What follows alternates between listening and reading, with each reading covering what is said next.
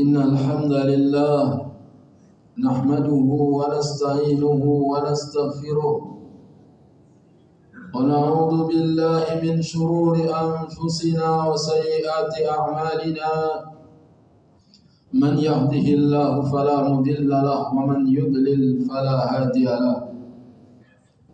أشهد أن لا إله إلا الله وحده لا شريك له. وأشهد أن محمدا عبده ورسوله.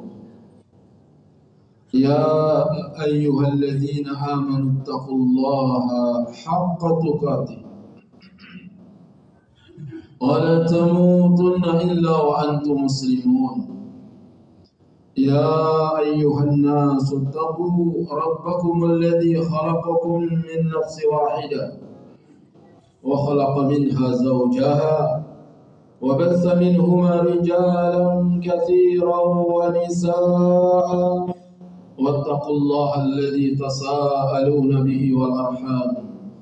إن الله كان عليكم رقيبا.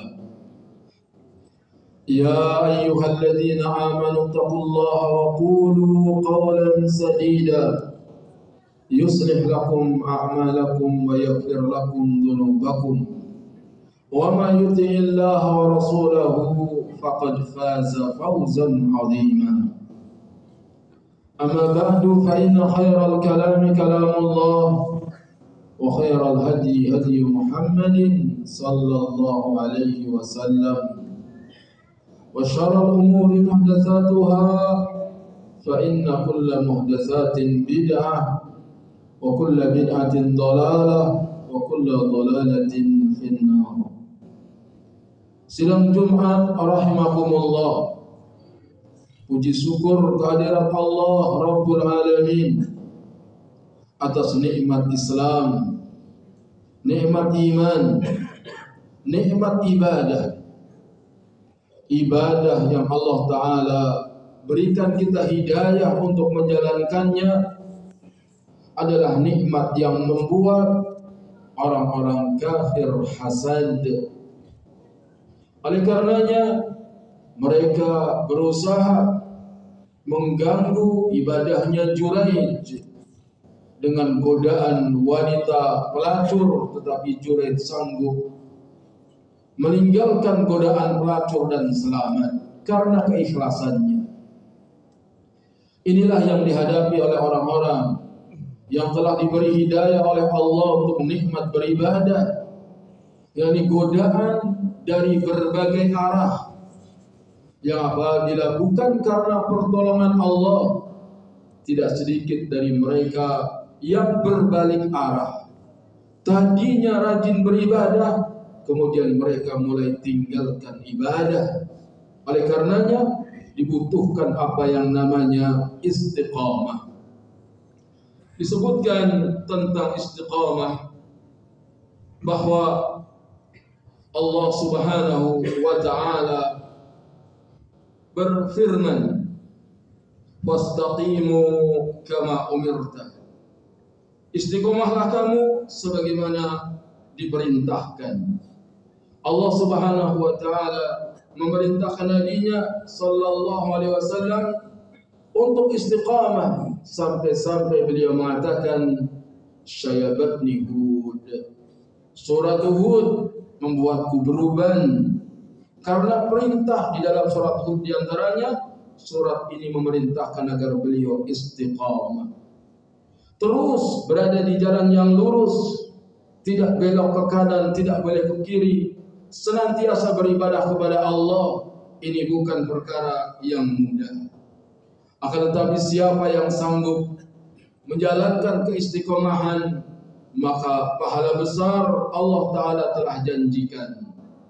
Allah berfirman innal ladzina qalu rabbuna Allah thumma istaqamu tatanazzalu alaihimul malaikatu alla takhafu wa la tahzanu wa abshiru bil jannati allati kuntum tu'adun nahnu awliyaukum fil hayati dunya wa fil akhirah ولكم فيها ما تشتهي أنفسكم walakum fiha ma tadda'un nuzula min ghafurir rahim. Sesungguhnya orang-orang yang berkata, Rob kami adalah Allah. Semoga kita termasuk di dalamnya. Kemudian dia istiqamah, jadi berada di atas kebenaran, di atas tauhid, di atas sunnah Nabi sallallahu alaihi wasallam. Tatanazzalu alaihimul malaikatu alla takhafu wa la tahzanu. Maka akan turun kepada mereka malaikat dan malaikat mengatakan kepadanya, janganlah kamu takut, janganlah kamu bersedih. Dan kata ahli tafsir malaikat turun kepada kita ketika kita nazar, ketika sakaratul maut, malaikat datang dan mengatakan Allah takhafu wa la tahzanu. Janganlah kamu takut, jadi menghadapi apa yang kamu hadapi setelah kematian. Janganlah kamu bersedih, jadi meninggalkan keluarga yang kamu tinggalkan. Jangan kamu takut dan jangan kamu bersedih.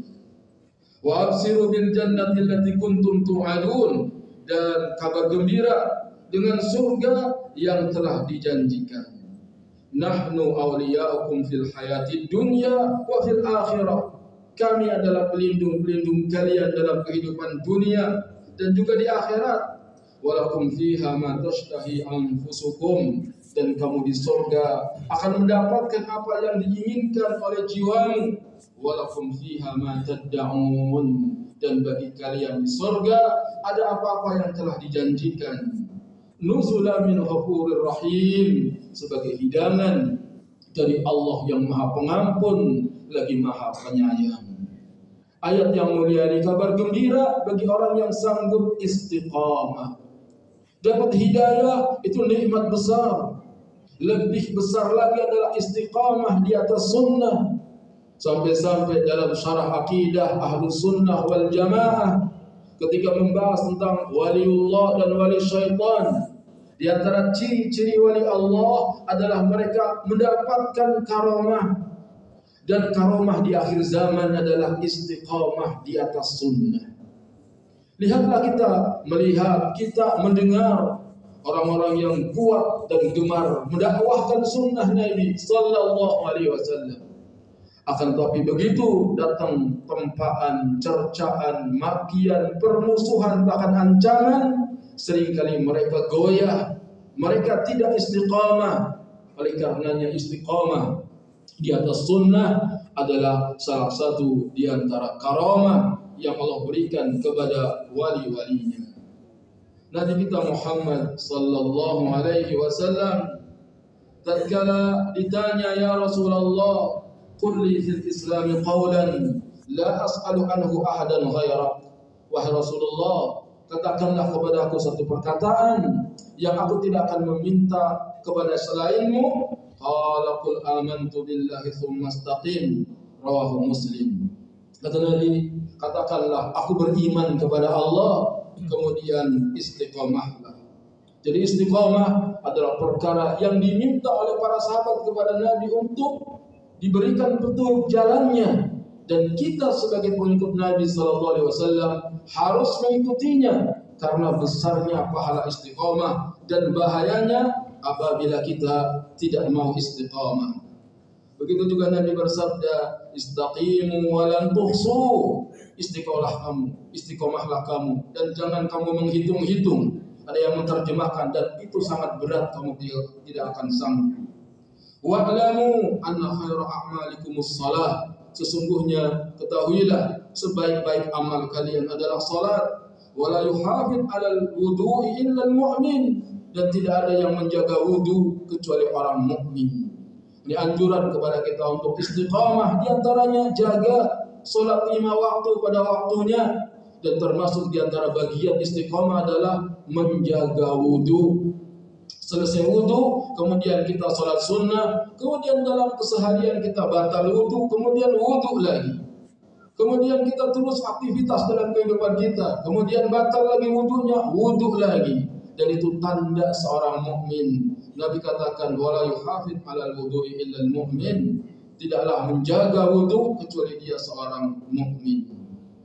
Kemudian di antara cara yang diajarkan oleh Nabi sallallahu alaihi wasallam agar kita bisa istiqamah adalah dalam sabdanya qaribu wa shaddidu dekat-dekatlah berlaku luruslah wa'lamu annahu la yanju ahad minkum bi amali ketahuilah bahwasanya tidaklah selamat di antara kalian dengan amalnya. Jadi tidaklah kalian selamat yaitu masuk surga kecuali tidaklah kalian selamat dengan amalnya. Qalu wala anta ya rasulullah. Kemudian ditanya tidak juga engkau ya rasulullah? Qala wala ana. Tidak juga aku. Jadi amal kita tidak bisa menyelamatkan kita. Sampai pernah ditanya, engkau juga tidak selamat karena amalmu? Dia mengatakan wala ana illa yatahummadani Allah bi rahmatin minhu wa fadl. Kecuali Allah Taala telah meliputiku dengan rahmatnya dan karunia-Nya. Hadis diriwayatkan oleh Imam Muslim. Dari sinilah kita dalam beribadah dianjurkan untuk dekat-dekat dan berlaku lurus. Yang antara maknanya adalah sederhana tapi kontinu, istiqomah terus, tidak berlebih-lebihan, kemudian setelah itu meninggalkan. Ini berlaku sedang, berlaku lurus. Jadi dalam beribadah hendaknya sedang-sedang, tidak seperti orang-orang yang semangat dalam beragama, maka dia salat tahajud misalnya semalam suntuk, tapi kemudian berhari-hari dia tidak tahajud. Kalau ketika dia lagi semangat saum misalnya tiap hari dia saum, tapi kemudian setelah itu dia meninggalkannya. Maka jalan untuk istiqamah adalah berlaku sederhana. Sederhana yang dimaksud adalah seperti yang diajarkan oleh Nabi kita Muhammad sallallahu alaihi wasallam. Aku qali hada wa astaghfirullah li wa lakum.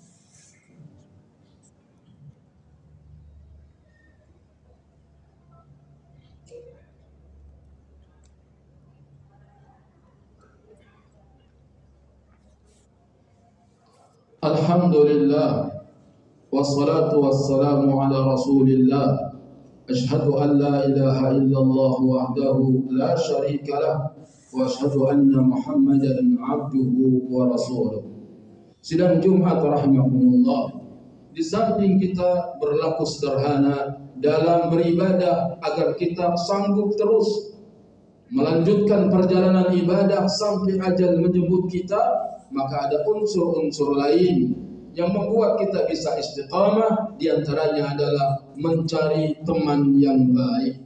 Karena dikatakan oleh orang Arab as-sahibus sahib, teman itu akan menarik. Kalau teman kita baik, maka kita akan ditarik menuju kebaikan. Kalau teman kita buruk, maka kita akan ditarik kepada keburukan. Maka perhatikan siapa teman kita, Bahkan Nabi kita Muhammad sallallahu alaihi wasallam bersabda, "Al-mar'u 'ala dini khalilihi falyandur liman yukhalilhu." Seseorang itu tergantung agama teman dekatnya. Maka perhatikanlah siapa teman dekatnya itu. Cari teman yang baik. Apabila kita susah di lingkungan kita mencari teman-teman yang baik, maka bertemanlah dengan para nabi dan rasul bertemanlah dengan para sahabat Nabi. Berteman dengan Nabi dan Rasul. Jadi dengan menelaah qasasul anbiya, kisah-kisah para nabi. Jadikan itu sebagai teman hidup kita sehari-hari.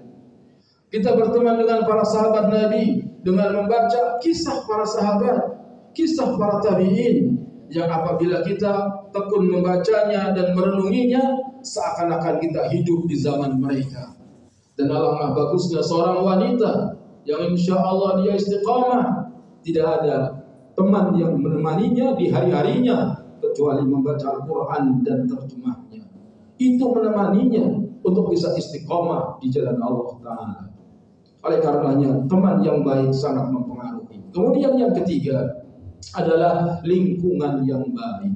Maka jaga lingkungan kita dengan perkara-perkara yang baik, isi kesibukan kita dengan perkara-perkara yang baik dan cegah apabila di lingkungan kita ada perkara-perkara yang bisa menyeret kita untuk keluar dari keistiqomahan. Tegur mereka, lawan mereka, singkirkan mereka apabila itu mengganggu keistiqomahan kita. Karena dengan itulah keistiqomahan bisa terjaga. Lihatlah Nabi dan para sahabatnya, mereka istiqomah di saat Nabi Shallallahu Alaihi Wasallam masih ada. Walaupun setelah itu banyak sekali tantangan dan rintangan yang dihadapi oleh para sahabat, para tabi'in, akan tetapi mereka yang ikhlas senantiasa istiqamah sehingga mengakhiri hidup mereka dalam keadaan husnul khatimah. Allahumma salli ala Muhammad wa ala ali Muhammad kama sallaita ala Ibrahim wa ala ali Ibrahim innaka Hamidum Majid. اللهم بارك على محمد وعلى آل محمد كما باركت على إبراهيم وعلى آل إبراهيم إنك حميد مجيد. اللهم اغفر للمؤمنين والمؤمنات والمسلمين والمسلمات الأحياء منهم والأموات. ربنا آتنا في الدنيا حسنة وفي الآخرة حسنة وقنا عذاب النار. والحمد لله رب العالمين. أقم الصلاة.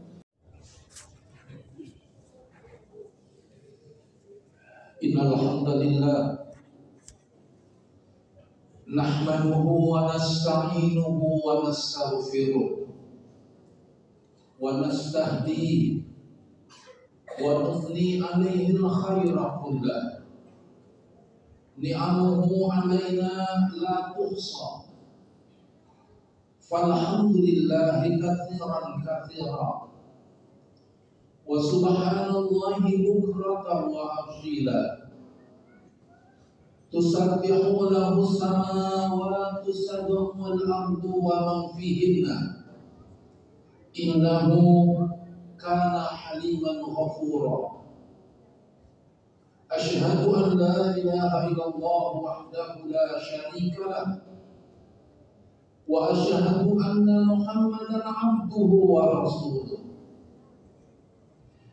اللهم صل وسلم وبارك على نبينا محمد وعلى آله وصحبه وسلم أما بعد jamaah masjid Tauhidul Huda yang dirahmati Allah Subhanahu wa taala. Mari kita sama-sama panjatkan rasa syukur kita kepada Allah di mana kita berada dalam keadaan nikmat yang Allah berikan yaitu nikmat iman, nikmat Islam dan nikmat bisa memenuhi panggilan untuk melaksanakan sholat Jumat berjamaah. Dengan nikmat inilah Allah berikan kepada kita yang tidak ada kalahnya yang akan kita rasakan nanti pada hari di mana kita dihisab. Karena kita berada dalam hidayah Allah hidayah yang dibawa oleh Rasulullah Sallallahu Alaihi Wasallam. Yang Rasulullah SAW mengatakan kepada Ali bin Abi Thalib radhiyallahu anhu, La ahdiyallahu bika rajulan. Allah memberikan hidayah bika sebabmu wahai Ali bin Abi Thalib. Rajulan wahidan. Satu orang saja khairul laka min hudrin maka lebih baik buatmu daripada unta merah. Unta merah adalah satu kendaraan yang mahal pada zaman Nabi. Tetapi dengan satu orang Allah berikan hidayah sebabmu, maka itu lebih baik daripada unta merah. Itu dari orang yang kita ajak untuk di atas hidayah. Bagaimana kalau terjadi beberapa orang? Karena Nabi mengajak kepada hidayah, sahabat mengajak kepada hidayah, sampai-sampai ada seorang sahabat jalil Abu Umamah radhiyallahu anhu. Diriwayatkan hadisnya oleh Imam Ibnu Hibban rahmatullahu alaihi. Abu Umamah radhiyallahu anhu datang kepada Nabi dengan mengatakan, "Ataitu Rasulullah sallallahu alaihi wasallam." Aku datang kepada Rasulullah sallallahu alaihi wasallam. Fakultu lahu. Lalu aku berkata kepadanya, "Ya Rasulullah, wahai Rasulullah, murni perintahkan kepadaku biamrin satu urusan. Akhuduhu yang aku akan dapat laksanakan. Aku akan dapat amalkan. Aku tidak akan selisihkan dan aku tidak akan membuat perkara-perkara baru di atas apa yang aku telah ambil. Angka darimu karena yang keluar darimu adalah bukan nafsu, wahyu. Bukan rohyu, wahyu. Dan bukan hawa, tetapi adalah wahyu. Karena Allah berfirman, "Wa ma 'anil hawa." Tidaklah Nabi memutuskan perkara agama dengan hawa, tidak. Allah nafikan tidak. In huwa jika Nabi Shallallahu Alaihi Wasallam akan memutuskan satu perkara, illa wahyu yuha, melainkan dengan wahyu yang Allah wahyukan pada. Maka kata Abu Umamah, akhuduhu, aku akan ambil perintah tersebut yang kau perintahkan pada diriku. Qal Nabi yang mulia menjawab, alaika bisawm tetaplah engkau dalam keadaan puasa. Tetaplah engkau dalam keadaan puasa. Fa innahu sebab puasa itu la mithla lahu tidak ada amalan yang setanding baginya sebab orang berpuasa adalah orang yang menjaga dari perkataan yang tidak berguna dari teriak-teriak, dari amalan yang bodoh, dari tidak melayani kajian, makian, bahkan orang yang mengajak bertengkar untuk dirinya. Sebab puasa itu menyelamatkan dirinya dan menyelamatkan orang lain. Sampai-sampai orang berpuasa berkata Syekh Sulaiman Al-Wahili Inna siyama sesungguhnya puasa-puasa itu ibadatun azimatun syarifatun merupakan ibadah yang azim yang mulia. Tasfamu li ibadihi dia akan dapat memberikan syafaat bagi hamba-hambanya. Yaumul qiyamah nanti pada hari kiamat. Tasma'u li sahibiha ia akan dapat memberikan syafaat pertolongan.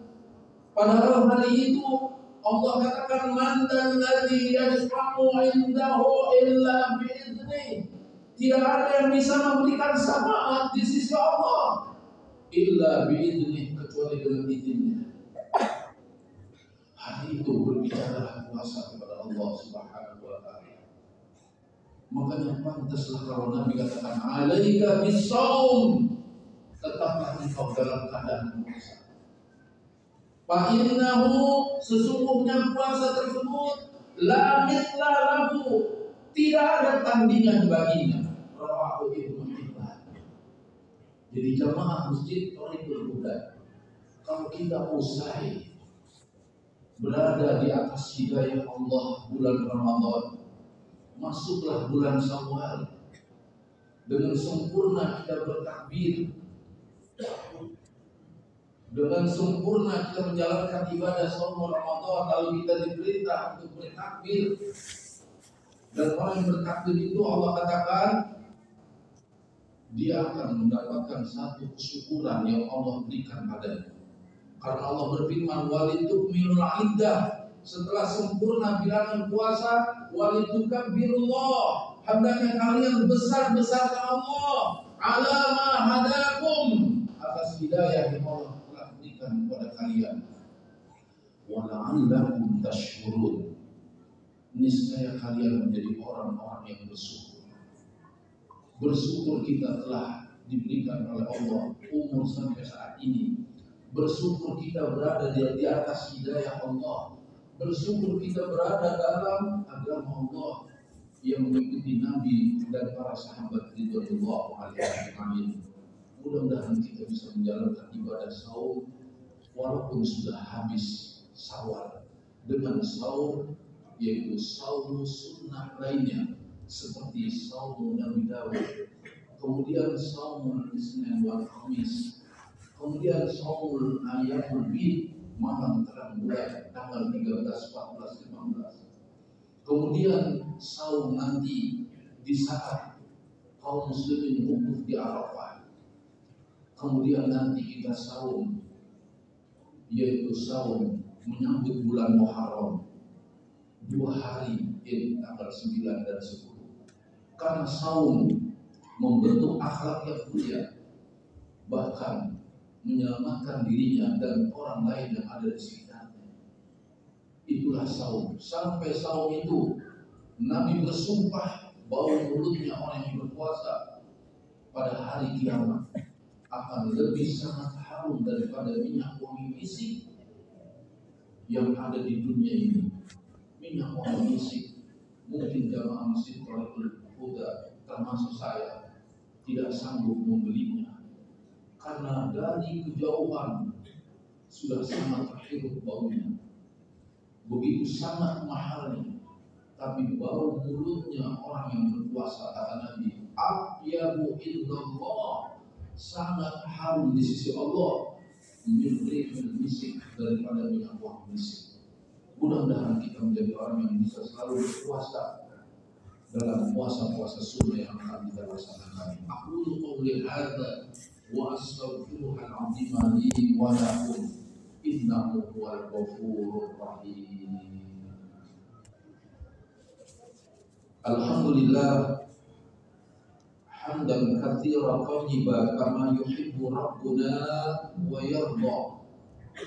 نحمده ونستعينه ونستغفره ونعوذ بالله من شرور أنفسنا وسيئات أعمالنا من يهده الله فلا مضل له ومن يضلل فلا هادي له وأشهد أن لا إله إلا الله وحده لا شريك له وأشهد أن محمدا عبده ورسوله Allahumma salli wa sallim wa barik ala nabiyyina Muhammadin wa ala alihi wa sahbihi wa sallam. Amma ba'du.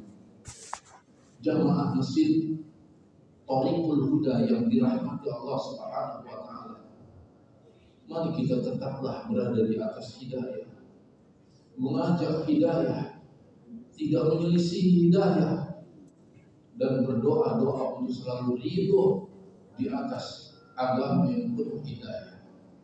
Sehingga dalam kitab Adhikarul Yaum Walayla atau dalam kitab Husnul Muslim min Adhikarul Yaum diajaklah kita untuk selalu berzikir kepada Allah pagi dan petang, pagi dan sore, atau pagi dan malam dengan doa Rabbiku billahi rabba aku ridho Allah Subhanahu wa taala sebagai Rabbku. Wa bil islami dina. Dan aku ridho Islam sebagai agama buatku. Karena ini yang akan menyelamatkan kita. Dunia sampai negeri akhirat. Yang kita akan ditanya dengan dua malaikat. Marabuka siapa Rabbimu Waman nabiyuka dan siapa nabimu? Wama dinuka dan apa agamamu? Maka patutlah kita membaca zikir pagi dan petang. Nanti doa itu mempunyai kekuatan untuk kita. Selalulah kita akan ridho kepada Allah. Selalulah kita akan ridho kepada Islam. Karena ridho adalah merupakan amal hati yang hatinya adalah pada genggaman Allah Subhanahu wa taala. Kemudian wa bi Muhammadin sallallahu alaihi wasallam nabiyya dan aku Nabi Muhammad sebagai seorang nabi yang kita akan berjumpa nanti pada hari kiamat. Yang Nabi menunggu kita di telaga haud sungai Al-Kautsar seluruh umatnya akan mendapatkannya kecuali orang-orang yang menyelisih Karena Allah berfirman, Inna syani'aka Sesungguhnya orang yang membencimu tidak berada di atas hidayahmu. Wal abtar. Dialah orang yang terputus dari rahmat Allah. Mudah-mudahan jamaah masjid Tariqul Huda tidak. Berjumpa kepada Nabi Sallallahu Alaihi Wasallam di hari kiamat. Allahumma fir lil muslimin wal muslimat wal mu'minin wal mu'minat al ahya'i minhum wal amwat innaka sami'un qaribun mujibud da'wat wa ya qadiyal hajat Rabbana walanna anfusana wa illam taghfir lana wa tarhamna lanakunanna minal khasirin. Allahumma inni a'udzu bika minal azzi wal kasali wal bukhli wal jubni wa 'adzabil qabri Allahumma ati nafsi taqwaha wa zakkaha wa anta khairu man zakkaha anta waliyuha wa maulaha Allahumma inni a'udzu bika min ilmin la yanfa' wa min qalbin la yakhsha wa min nafsin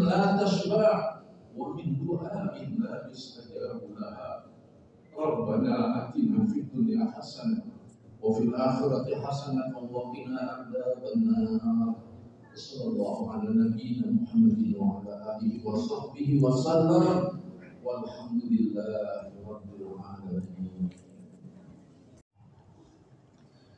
إن الحمد لله نحمده ونستعينه ونستغفره ونعوذ بالله من شرور أنفسنا ومن سيئات أعمالنا. من يهده الله فلا مضل له ومن يضله فلا هادي له. أشهد أن لا إله إلا الله وحده لا شريك له وأشهد أن محمدا عبده ورسوله.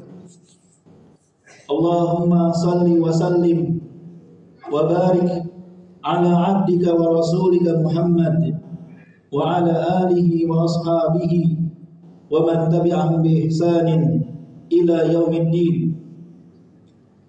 قال الله عز وجل يا أيها الذين آمنوا اتقوا الله حق تقاته ولا تموتن illa antum muslimun amma kaum muslimin yang semoga dirahmati dan dimuliakan Allah Subhanahu wa taala.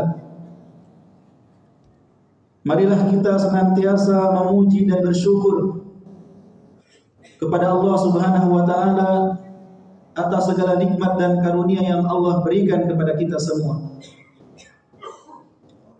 Dan tidak ada cara bersyukur yang lebih baik dari bertakwa kepada Allah Subhanahu wa taala.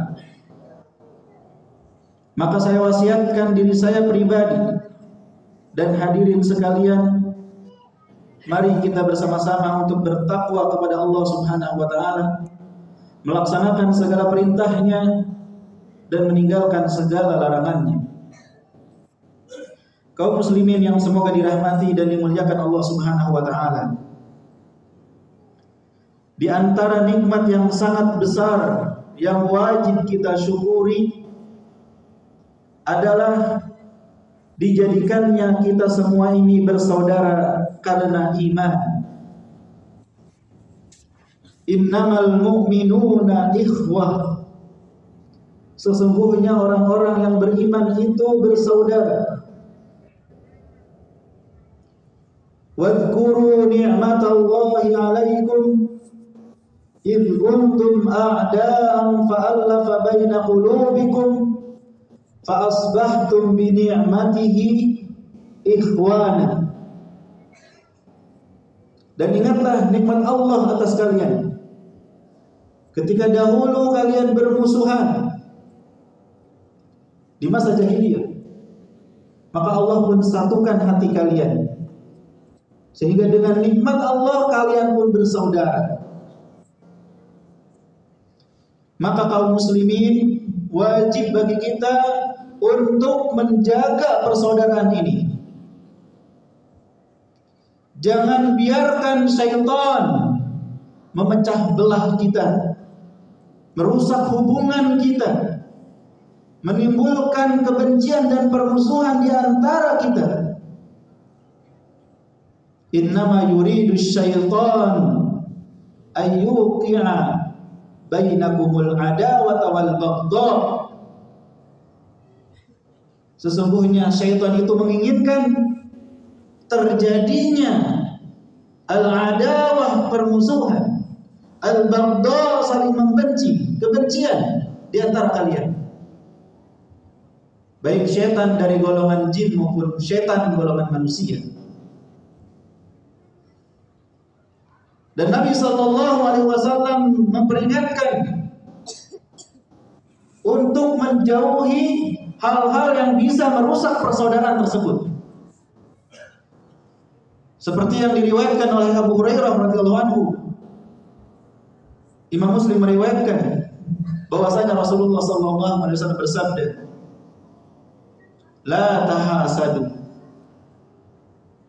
wa la tanajashu wala tabaghadu wala tadabaru. Wala yabi' ba'dukum. Bay'a ba'd. Wa kunu ibadallahi ikhwana. Janganlah kalian saling saling dengki. Iri dengki. Jangan kalian saling dengki. Jangan kalian saling menyakiti, memudaratkan dalam jual beli. Entah memudaratkan pedagang atau pembeli. Jangan kalian saling membenci satu sama lain. Jangan saling membelakangi, mendiamkan, mengucilkan, menghajar satu sama lain. Jangan kalian menjual barang dagangan saudaranya Jadilah hamba-hamba Allah yang bersaudara. Perkara-perkara yang disebutkan tadi bisa merusak persaudaraan. Iri dengki. Saling memudaratkan, berbuat kezaliman. Saling mendiamkan, mengucilkan, menghajar, mendiamkan saling membenci bisa merusak persaudaraan.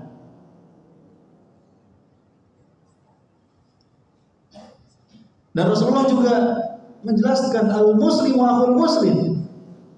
Seorang muslim itu saudara bagi muslim yang lain.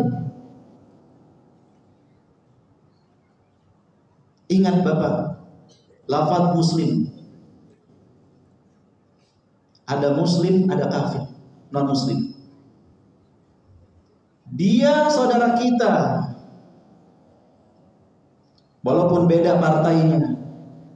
Walaupun beda seragamnya, walaupun beda ormasnya, walaupun beda masjidnya. Dia muslim. Al-muslimu akhul muslim. Seorang muslim adalah saudara bagi muslim yang lainnya. Jangan mau diadu domba, jangan mau dipecah belah. Seorang muslim adalah saudara bagi muslim yang lain. La yadlimuhu wa la yakhdhuluhu wa la yahqiruhu wa boleh menzaliminya. Enggak boleh merendahkannya, menghinakannya, mencemoohnya, mendustakannya.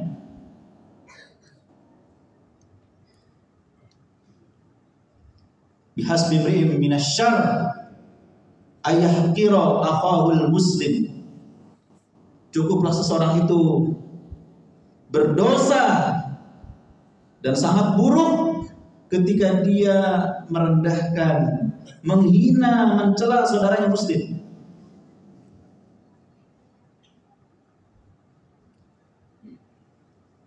Al muslim alal muslim. Haramun damuhu wa maluhu wa seorang muslim atas muslim yang lain itu haram. Darahnya tidak boleh dibunuh. Hartanya tidak boleh diambil dengan cara yang batil, dengan penipuan, dengan perampokan, pencurian dan lain sebagainya.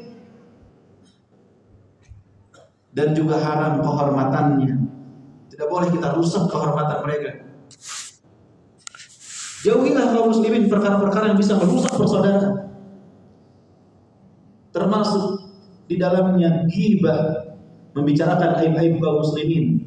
Namimah mengadu domba, menyampaikan suatu perkataan kepada yang lainnya sehingga muncul permusuhan di antara kaum muslimin.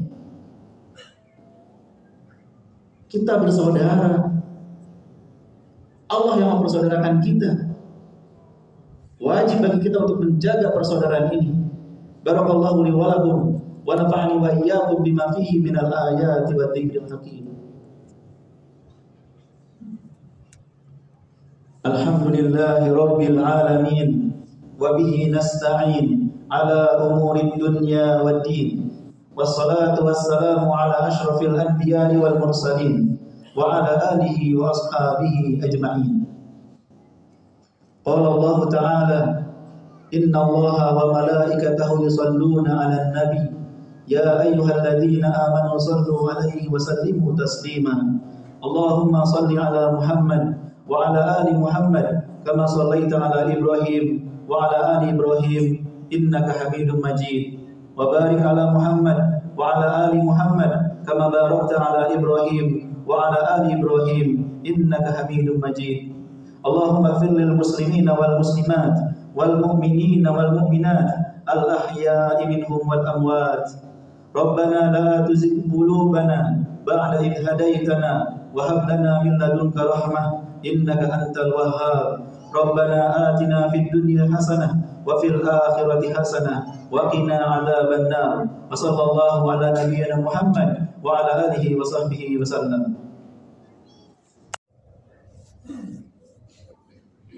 إن الحمد لله نحمده ونستعينه ونستغفره ونعوذ بالله من شرور أنفسنا وسيئات أعمالنا. من يهده الله فلا مضل له ومن يضلل فلا هادي له. أشهد أن لا إله إلا الله وحده لا شريك له وأشهد أن محمدا عبده ورسوله وبعد. اللهم صل على محمد وعلى آل محمد كما صليت على إبراهيم وعلى آل إبراهيم إنك حميد مجيد. اللهم بارك على محمد وعلى آل محمد كما باركت على إبراهيم وعلى آل إبراهيم إنك حميد مجيد يا أيها الذين آمنوا اتقوا الله حق تقاته ولا تموتن إلا وأنتم مسلمون وبعد kaum muslimin jamaah sholat Jumat yang semoga Allah merahmati kita semuanya. Khatib berwasiat kepada diri khatib sendiri dan juga kepada para jamaah semuanya agar kita bertakwa kepada Allah Subhanahu wa taala. Yang takwa tersebut adalah kunci kita bahagia dan sukses di dunia dan di akhirat. Kunci kita mendapatkan kemudahan hidup di dunia dan kemudahan mendapatkan surga Allah SWT yang Allah janjikan kepada orang-orang yang bertakwa. Karena takwa ini maka Allah menurunkan agamanya sehingga kita mengetahui panduan hidup di dunia apa yang boleh dilakukan, apa yang tidak boleh dilakukan. Yang kita amalkan berapa nilainya dan apa yang harus kita dapatkan. Semuanya Allah terangkan di dalam Al-Quran dan diajarkan oleh Rasulullah SAW. Di antara cara agar kita mendapatkan kebaikan, mendapatkan manfaat dunia dan di akhirat, maka Rasul menyebutkan membuka wacana dan cakrawala berpikir kita. Beliau bersabda, "Idza mata insan jika seseorang sudah mati, in qata'a 'amaluhu illa min salat." Amalnya akan berhenti kecuali dari tiga jalan. Amalnya berhenti maksudnya kalau dia ingin berbuat baik, dia sudah tidak bisa berbuat baik lagi. Kalau dia mau berbuat dosa, dia tidak bisa bertobat lagi. Ini arti amalnya berhenti. Dan tatkala dia sudah melakukan amal-amal soleh, maka dia tidak bisa menambah lagi, menambah pahalanya atau mengulanginya lagi. Maka Rasul memberikan jalan keluarnya kecuali dari tiga jalan. Yang pertama sodakotul jariyah. Sodakoh jariyah. Yang kedua ilmu yuntafa'uli. Ilmu yang bermanfaat bagi manusia generasi sesudahnya. Yang ketiga walad salihun yad'ulah. Anak saleh yang mendoakannya. Maka tiga amalan ini yang pahala dan manfaatnya bisa dia terima setelah dia meninggal. Bisa meninggikan derajatnya di dunia maupun di akhirat. Dan yang terpenting bisa memasukkan dia ke dalam surga dan mendapatkan kemuliaan dari Allah SWT. Amalan yang pertama yang membuat dia mendapatkan pahala setelah dia meninggal adalah sodakoh jariah.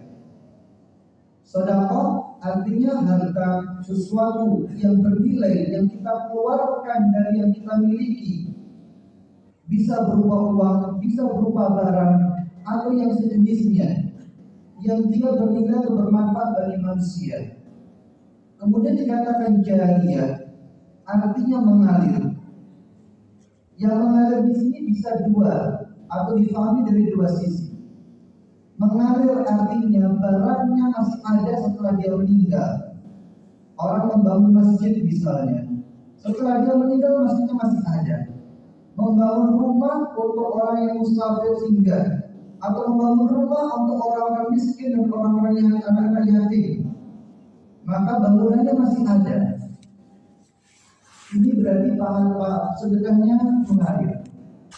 Yang kedua, diartikan mengalir artinya dia mendapatkan pahalanya meskipun sedekahnya cuma sekali. Berbeda kalau dia memberi makan satu orang si A, makanan habis. Dia mendapatkan sedekah satu kali ngasih makan. Dia kasih makan si B lagi. Sedekahnya dan makannya sudah habis. Sekian dan seterusnya. Maka yang dia berikan, barang makanan yang dia berikan habis. Dan dikatakan sedekahnya tidak mengalir atau tidak berkelanjutan. Tetapi di sini dikatakan sedekah jariah karena dia seakan-akan hari ini mempersilahkan orang sholat di masjid yang dia bangun. Hari ini dia membuat orang nyaman sholat di masjid yang dia bangun. Hari ini dia membuat orang miskin bisa tinggal di rumah yang dia bangun. Hari ini dia bisa membuat anak-anak yatim punya tempat berteduh dan seterusnya. Sehingga seakan-akan hari ini dia bersedekah mempersilakan kaum muslimin sholat di masjidnya, di masjid yang dia bangun dengan nyaman. Besok dia mempersilakan orang Islam sholat dengan nyaman lagi. Besok dan seterusnya. Sehingga orang-orang atau kaum muslimin merasakan manfaat dari barang yang dia tinggalkan. Sehingga dengan dimanfaatkan barangnya ini atau benda yang dia wakafkan dan sedekahkan ini, dia seakan-akan dia mendapatkan pahala dari dari manfaat yang dirasakan oleh kaum muslimin. Maka makna kedua ini yang lebih tepat atau lebih dekat dari maksud yang dimaksud Rasulullah SAW yaitu sedekah jariah. Karena tidak ada manfaatnya dari makna yang pertama. Misalnya seseorang bangun masjid, tapi masjidnya ditinggalkan tidak dipakai lagi. Sebabnya mungkin dilarang, sebabnya mungkin tidak boleh, atau ada peraturan-peraturan yang membuat orang Islam tidak mau sholat di situ. Meskipun masjidnya masih ada, masih kokoh berdiri, tapi tidak ada manfaat yang diambil oleh kaum muslimin. Atau membangun rumah, membangun tempat belajar, tapi tidak tidak ada orang yang belajar di sana, atau tidak boleh orang belajar di sana. Meskipun bangunannya ada, tapi manfaat apa yang dirasakan kaum muslimin? Kalau kaum muslimin tidak mengambil dan tidak merasakan manfaatnya, bagaimana dia mendapatkan pahala dari sedekahnya? Maka makna yang kedua, yaitu makna artinya sedekah atau barang yang dia wakafkan, yang dia sedekahkan, dirasakan manfaatnya oleh kaum muslimin. Baik berupa bangunan masjid, rumah tempat tinggal orang musafir atau anak-anak yatim, atau sungai, irigasi yang dia bangun, yang manfaatnya dirasakan dari perkara dengan kaum muslimin yang hasil pertanian untuk kaum muslimin secara umum atau barang-barang sejenisnya. Yang intinya barang tersebut yang dia wakafkan dan ditinggalkan dirasakan manfaat dari kaum muslimin. Maka inilah yang disebut, disebut dengan sedekah jariah selama manfaatnya dirasakan kaum muslimin maka sampai saat itulah dia mendapatkan pahala dari sedekahnya maka di sini Rasul menganjurkan menghasut agar kaum muslimin berusaha untuk semaksimalnya berlomba-lomba dalam sedekah jariah. Di antara perlombaan yang Rasul bikin agar kaum muslimin berusaha dalam sedekah jariah, misalnya suatu saat ketika kaum muslimin merasakan kekeringan dan mereka susah mendapatkan air, kemudian ada satu sumur yang dimiliki seorang Yahudi. Yang Yahudi ini sangat pelit kepada kaum muslimin sehingga kaum muslimin sangat susah mendapatkan air. Maka Rasul bersabda, siapa yang membeli sumur ini? Maka dia mendapatkan surga. Maka Utsman bin Affan pun ngacung dan dia yang pertama kali ngacung dan dia beli sumur ini dengan harga yang luar biasa yang tidak senormalnya orang beli sumur itu. Maka Utsman sedekahkan sumur itu kaum muslimin. Mereka bebas mengambil air. Dan selama sumur ini dan diceritakan sumur ini masih mengalir sampai saat ini, maka sampai saat inilah pahala tersebut masih numpuk di, di, di dalam kantong-kantong kebaikan Utsman bin Affan radhiyallahu anhu. Demikian pula contoh-contoh yang lainnya yang Rasul berikan banyak sekali contoh agar orang Islam bersusah untuk melakukan atau melaksanakan sedekah jariah yang manfaatnya tidak hanya berhenti tapi terus mengalir sampai generasi ke generasi berikutnya. Kemudian jalan yang kedua, yang diterangkan Rasulullah Shallallahu Alaihi Wasallam adalah ilmu yang bermanfaat, baik untuk urusan dunia maupun urusan akhirat. Untuk urusan dunia misalnya kedokteran, ilmu bangunan, ilmu jual beli, dan ilmu-ilmu yang lainnya. Yang di mana seandainya ilmu-ilmu dunia ini dikuasai kaum muslimin, maka kaum muslimin tidak akan sesuatu hidup di dunia. Bagaimana mereka butuh baju? Baju harus beli dari orang kafir misalnya. Mereka butuh kedokteran, kedokteran dikuasai oleh orang kafir dan yang lainnya. Sehingga seorang Islam kaum muslimin merasakan susah dari hidup di dunia. Dan ilmu yang paling bermanfaat di antara ilmu-ilmu yang ada tentunya ilmu agama. Yang Rasul menggambarkan ilmu agama ini kalau dinilai sebenarnya sangat mahal. Ketika Rasulullah SAW menang perang Badar dan menawan beberapa beberapa pembesar Quraisy yang memiliki harta persiapan ditebus yang tidak bisa maka Rasul suruh mengajar anak-anak kaum muslimin Berapa tebusannya? Kalau seandainya dinilai uang, maka tebusannya kurang lebih 4000 dirham. Waktu itu satu dirham satu ekor ayam. Kalau 4000 dirham berarti kalau dikalikan tiga, misalnya sekarang harga ayam satu ekor ayam 30 ribu misalnya paling murah, maka 4000 dikali 30 ribu 120 juta. Ini kalau dia memiliki uang. Kalau tidak, maka dia disuruh mengajar anak-anak muslimin. Mengajari apa? Mengajari baca tulis. Siapa yang diajari waktu itu? Anak-anak kaum muslimin yang aslinya, notabene mereka orang Arab asli yang sangat-sangat fasih berbahasa Arab, cuma tidak bisa nulis. Seandainya itu diterapkan saat ini, maka kita tidak mampu membayar sekolah anak-anak kita untuk mengajari alif, bakta, yang notabene anak-anak kita nggak kenal huruf Arab, nggak bisa mengucapkan huruf Arab dengan baik. Ini seandainya pendidikan ini kita nilai. Sehingga para ulama banyak sekali mengungkapkan ungkapan seandainya ada yang mengajarkan aku satu huruf akan aku bayar satu dinar? Dan satu dinar saat itu hanya satu ekor kambing sehingga mereka betul-betul menghormati guru. Betul-betul mencari seorang guru yang mampu mengajarkan kepada mereka ilmu-ilmu agama.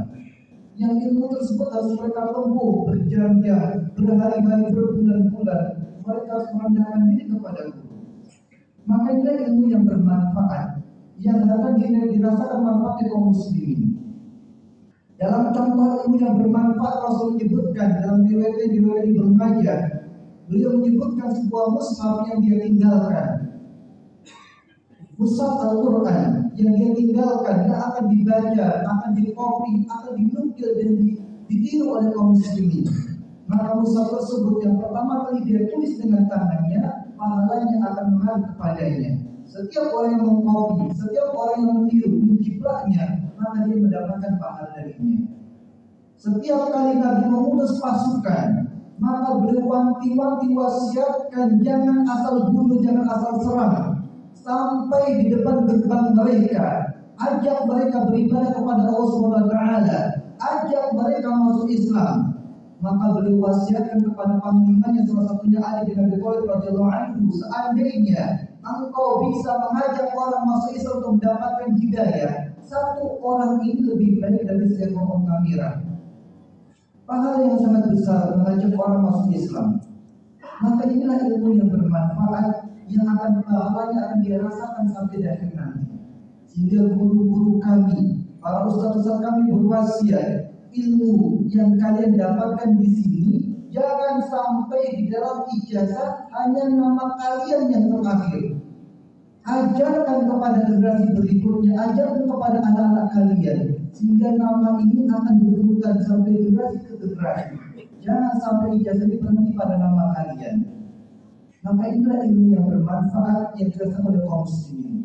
Tatkala kaum muslimin melupakan, tidak peduli dengan pendidikan ini, maka mereka menjadi mahalnya belajar, mahalnya belajar, mahalnya sekolah dan seterusnya. Setelah sekolah mau jadi apa? Karena mereka berpikir orientasinya pada orientasi uang, harta dan seterusnya. Hingga dirasakan belajar mencari ilmu sesuatu yang sangat mahal. Maka di sini Rasulullah wasiatkan agar kita memberikan fasilitas, membawa fasilitas agar guru, ustaz bisa mengajar untuk anak-anak kaum muslimin yang sehingga mereka mendapatkan manfaat di dunia dan di akhirat dari ilmu-ilmu yang diajarkan oleh seorang ustaz atau seorang guru. Maka inilah di antara jalan kebaikan yang pahalanya akan mengalir sampai di hari kiamat atau sampai seorang ini ketemu Allah Subhanahu wa taala di akhirat nanti. Aku di hadza astaghfirullah li wa lakum ولسائر المسلمين والمسلمات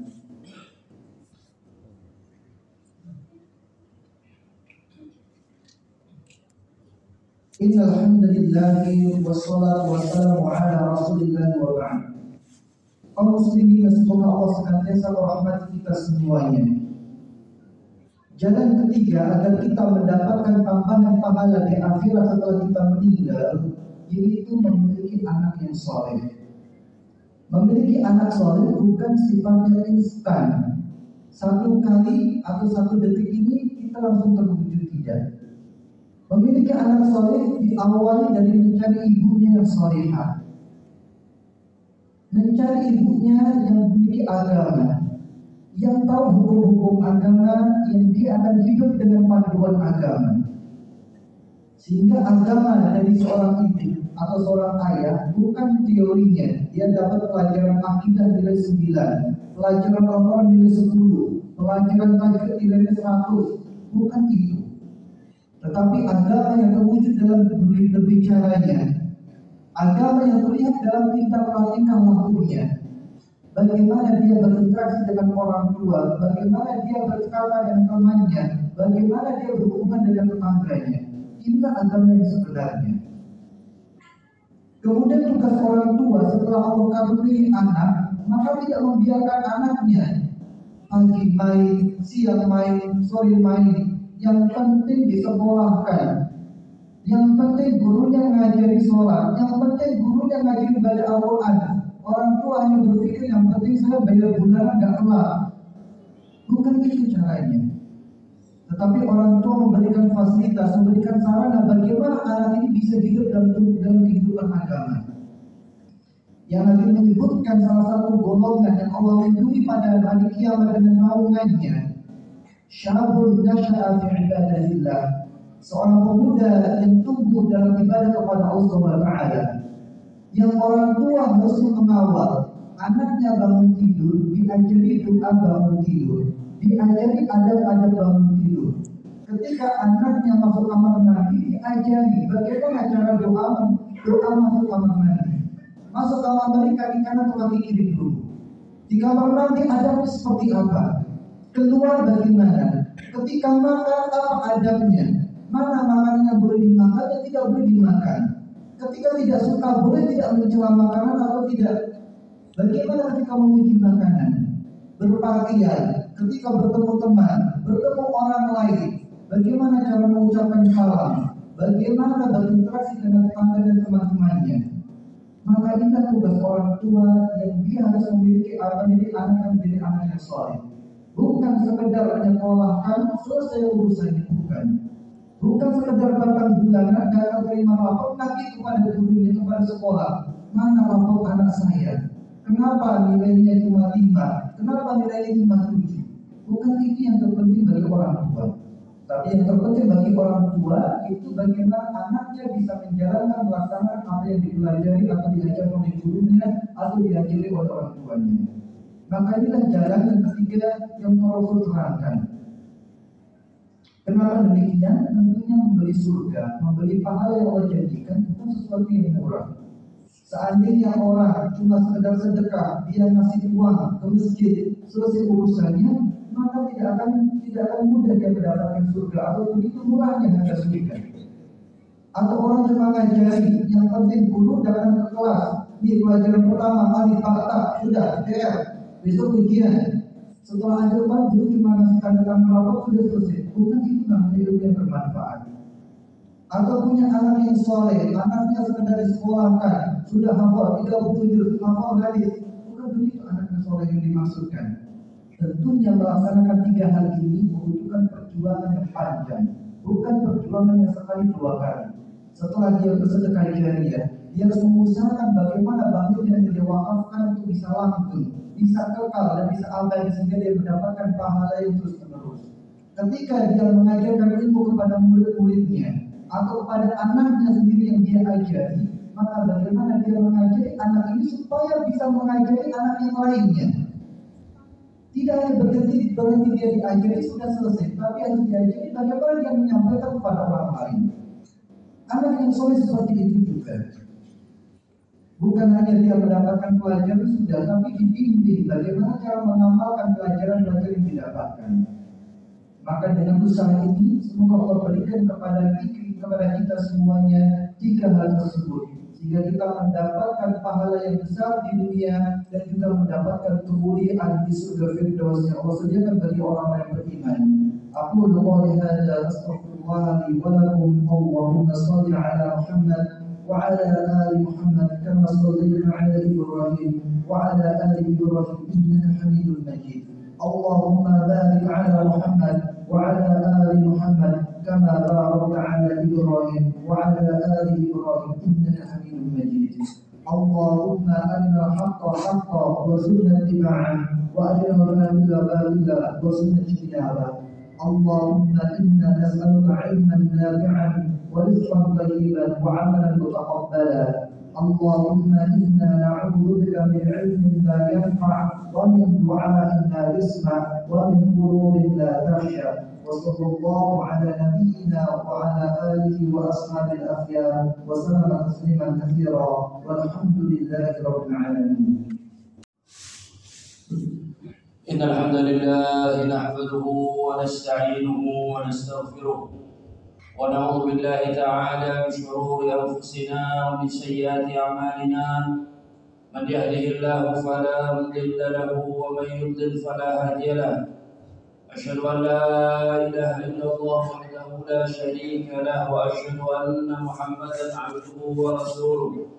يا أيها الذين آمنوا اتقوا الله حق تقاته ولا تموتن إلا وأنتم مسلمون. يا أيها الناس اتقوا ربكم الذي خلقكم من نفس واحدة.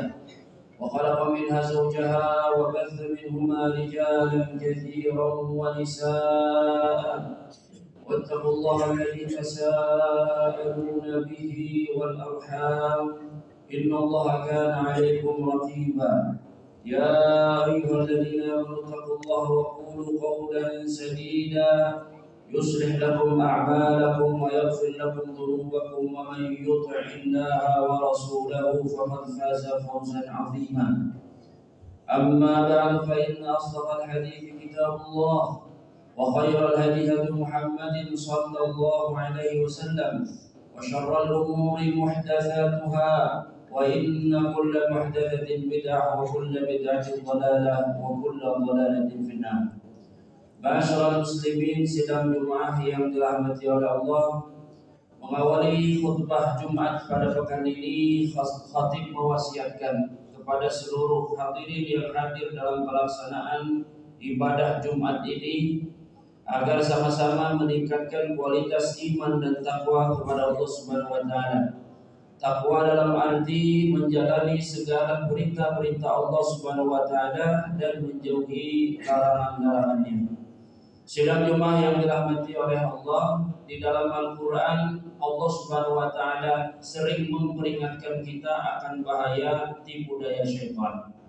Banyak cara, banyak upaya yang dikerahkan oleh syaitan untuk menyesatkan Bani Adam untuk menjauhkan anak cucu Adam dari jalan syaratil mustaqim dari jalan yang lurus di antara target dan upaya yang ingin dicapai oleh iblis dan bala tentaranya adalah bagaimana mereka bisa menjauhkan anak cucu Adam dari jalan yang lurus.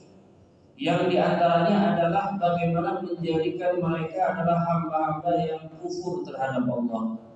Hamba-hamba yang tidak pandai bersyukur kepada Allah Subhanahu wa taala hamba-hamba yang tidak menghargai pemberian-pemberian dari Allah Subhanahu wa taala itu disebutkan oleh Allah Subhanahu wa taala di dalam surat Al-A'raf ayat 16 sampai 17 di mana Allah Subhanahu wa taala mengisahkan tentang bagaimana iblis ada laknatullah yang enggan untuk sujud di hadapan Adam padahal Allah Subhanahu wa taala yang telah memerintahkannya.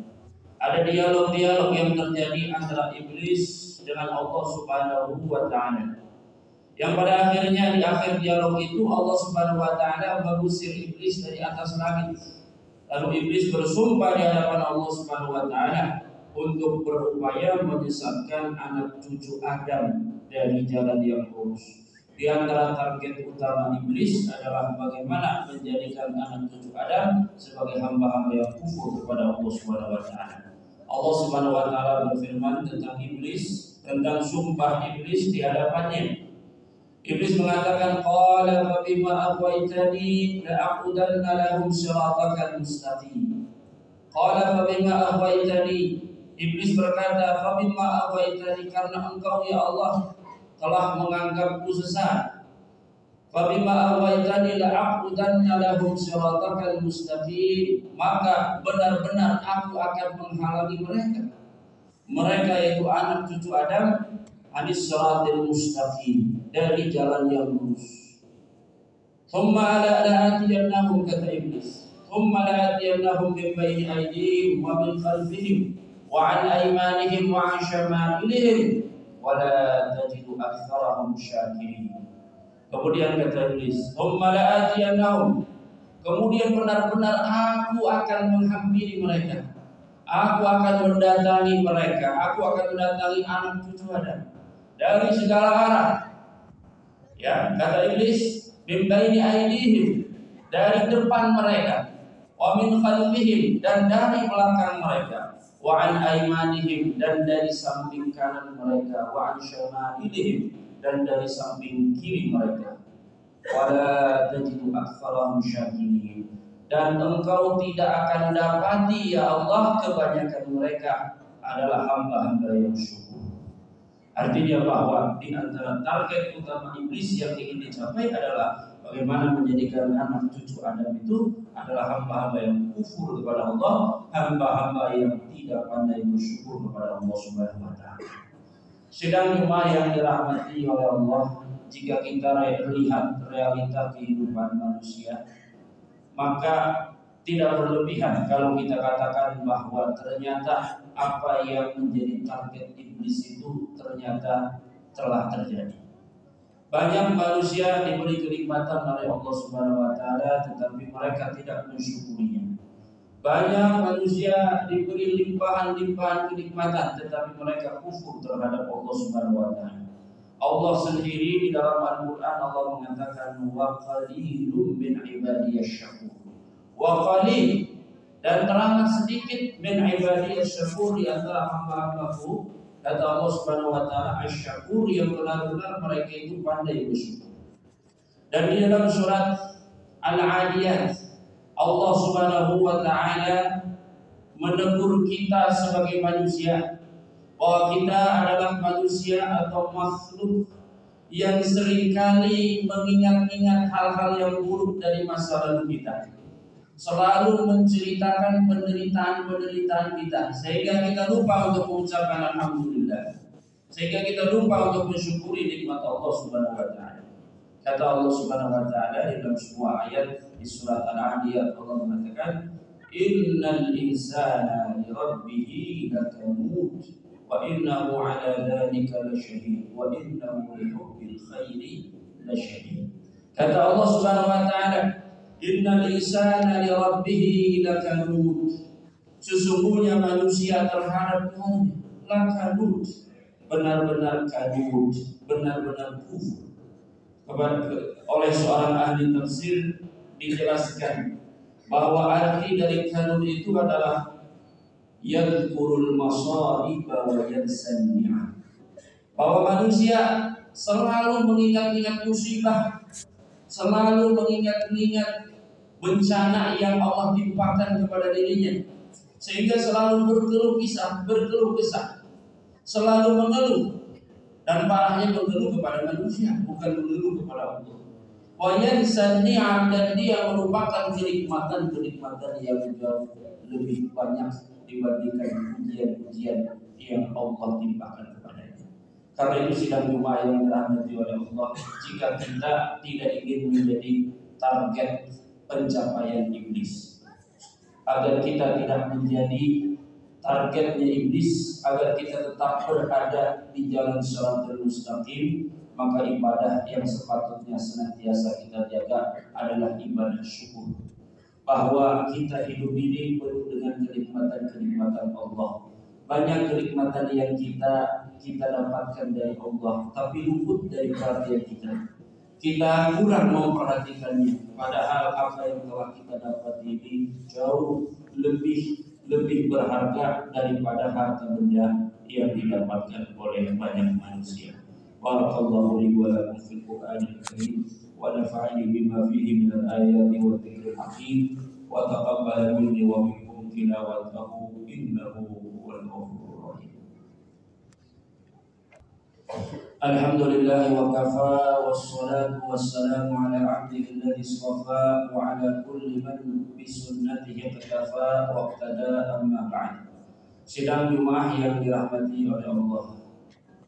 Mengapa banyak manusia tidak bersyukur? Jawabnya adalah karena mereka memiliki pandangan yang salah tentang kenikmatan. Banyak manusia hanya membatasi kenikmatan itu dengan soal materi saja. Lupa bahwa hidayah itu adalah kenikmatan yang besar. Lupa bahwa kesempatan hidup, bahwa kesehatan, bahwa waktu yang luang, dan lain sebagainya itu juga adalah kenikmatan-kenikmatan yang jauh lebih penting daripada kenikmatan yang bersifat materi. Karena itu Allah Subhanahu wa taala menegur manusia dengan cara pandangnya mereka melihat kenikmatan. Di dalam surat Al-Fajr Allah mengatakan فأما الإنسان إذا ما ابتلاه ربه فأكرمه ونعمه فيقول ربي أكرمن وأما إذا ما ابتلاه فقدر عليه رزقه فيقول ربي أهانا Kata Allah Subhanahu wa taala, "Fa'ammal insan adapun manusia itu idza mabtalahu rabbuhu jika diuji dengan kesenangan, jika diuji dengan kenikmatan, dengan harta dan lain sebagainya. Fana'amahu ya diberi kenikmatan-kenikmatan yang banyak manusia akan mengira bahwa Allah telah memuliakan dirinya Rabbi akroman Allah telah memuliakan Artinya bahwa neraca atau standar seseorang dimuliakan atau tidak oleh Allah banyak manusia melihatnya dari sisi materi. Jika diberi kenikmatan, maka dianggap bahwa dia mendapatkan pemuliaan dari Allah Subhanahu wa taala. Fa'amma ila mabtalahu faqadara alaihi rizqahu. Adapun jika diuji dengan bentuk Allah persempitkan rezekinya. Faqadara alaihi rizqahu fayaqulu rabbi ahana. Manusia akan mengatakan rabbi ahana, Tuhanku, Rabbku telah menghinakanku. Allah menyanggah cara pandang tentang kenikmatan seperti ini. Kata Allah Subhanahu wa taala, Kanda bal la al-yatim Wala tahabun 'ala ta'amil miskin wa ta'kulun al-turatha aklan lamma." wa mala hubban. Kata Allah, kalla tidak demikian. Itu cara pandang yang salah. Buat apa harta yang banyak kalau kemudian tidak dimanfaatkan untuk menyentuhi orang-orang miskin? Buat apa harta yang banyak kalau sekedar memberi motivasi orang-orang untuk memberi makan saja dia tidak mau? dan turata dan lama bahkan kalian mengambil segala macam harta dari sumber yang tidak kalian pedulikan apakah halal ataupun haram. Sehingga harta warisan yang milik saudara dia pun dialah kalian sedang cuma yang dirahmati oleh Allah supaya kita bersyukur kepada Allah mari kita ubah cara pandang kita tentang kenikmatan. Yang ini bahwa hidayah dari Allah berupa Islam berupa sunnah berupa taufik untuk beramal salih itu adalah kenikmatan yang luar biasa. Nikmat berupa sehat adalah kenikmatan yang luar biasa. Nikmat waktu luang adalah kenikmatan yang luar biasa. Nikmat kita diberi kesempatan untuk dapat hidup di bulan Zulhijjah ini di tahun ini adalah kenikmatan yang luar biasa. Di mana kita diberi kesempatan untuk beribadah semaksimal mungkin agar kita mendapatkan pahala yang sebesar-besarnya agar dilipat gandakan oleh Allah Subhanahu wa taala Coba kita perhatikan siapa di antara umat Islam, di antara umat manusia yang memiliki antusias yang tinggi ketika dia diberikan kesempatan hidup di bulan Zulhijjah di mana 10 hari pertamanya kata Rasulullah SAW amal soleh itu Allah Subhanahu Wa Taala Ya tidak ada amal soleh yang lebih Allah cintai daripada amal soleh yang dilakukan di 10 hari pertama bulan Zulhijjah. Bahkan para ulama mengatakan bahkan dia lebih utama daripada 10 terakhir bulan suci Ramadan. Tapi kita lihat jarang sekali kita temui orang-orang memiliki antusias yang tinggi. Kenapa? Karena keimanan yang lemah. Allah memberikan kita janji berupa ampunan. Allah memberikan kita janji berupa surga. Allah memberikan kita janji berupa kehidupan yang layak, tapi ini semua tak terlihat. Yang betul-betul memiliki antusias yang tinggi hanyalah orang-orang yang memiliki keimanan yang tinggi, khususnya adalah keimanan kepada perkara yang goib, yang mana itu adalah merupakan ciri utama orang-orang yang bertakwa kepada Allah Subhanahu wa taala. Allah Subhanahu wa taala berfirman, Alif Lam Mim, dzalikal kitab la raiba fihi hudan lil muttaqin. Alif Lam Mim, kitab suci Al-Qur'an ini adalah merupakan kitab suci yang tidak ada keraguan di dalamnya. Hudan lil muttaqin, petunjuk bagi orang-orang yang bertakwa. Siapa orang bertakwa? Alladzina yu'minuna bil ghaib Sifat yang pertama Allah sebutkan adalah bahwa mereka adalah orang-orang yang beriman kepada perkara yang goib. Jika kita beriman kepada perkara yang goib, kita beriman kepada janji Allah, kita beriman kepada surga yang Allah Subhanahu wa taala janjikan kepada kita, maka hendaknya kita memiliki antusias untuk mau beramal saleh di sebulan pertama dari bulan Zulhijjah.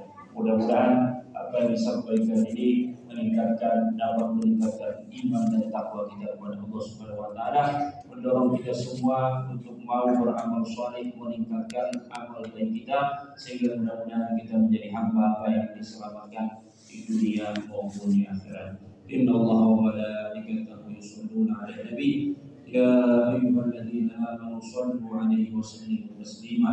اللهم صل على محمد وعلى آل محمد كما صليت على إبراهيم وعلى آل إبراهيم إنك حميد مجيد. وبارك على محمد وعلى آل محمد كما باركت على إبراهيم وعلى آل إبراهيم إنك حميد مجيد. اللهم اغفر للمؤمنين والمؤمنات والمسلمين والمسلمات الأحياء منهم والأموات إنك سميع القريب مجيب. الدعوات يا قاضي الحاجات. ربنا تقبل منا إنك أنت السميع العليم وتب علينا إنك أنت التواب الرحيم. ربنا لا تزغ قلوبنا بعد إذ هديتنا وهب لنا من لدنك رحمة إنك أنت الوهاب. اللهم اللهم احفظ بلادنا وبلاد المسلمين. اللهم احفظ بلادنا وبلاد المسلمين. اللهم احفظ بلادنا وبلاد المسلمين. اللهم وفق ولاة أمورنا للبر والتقوى.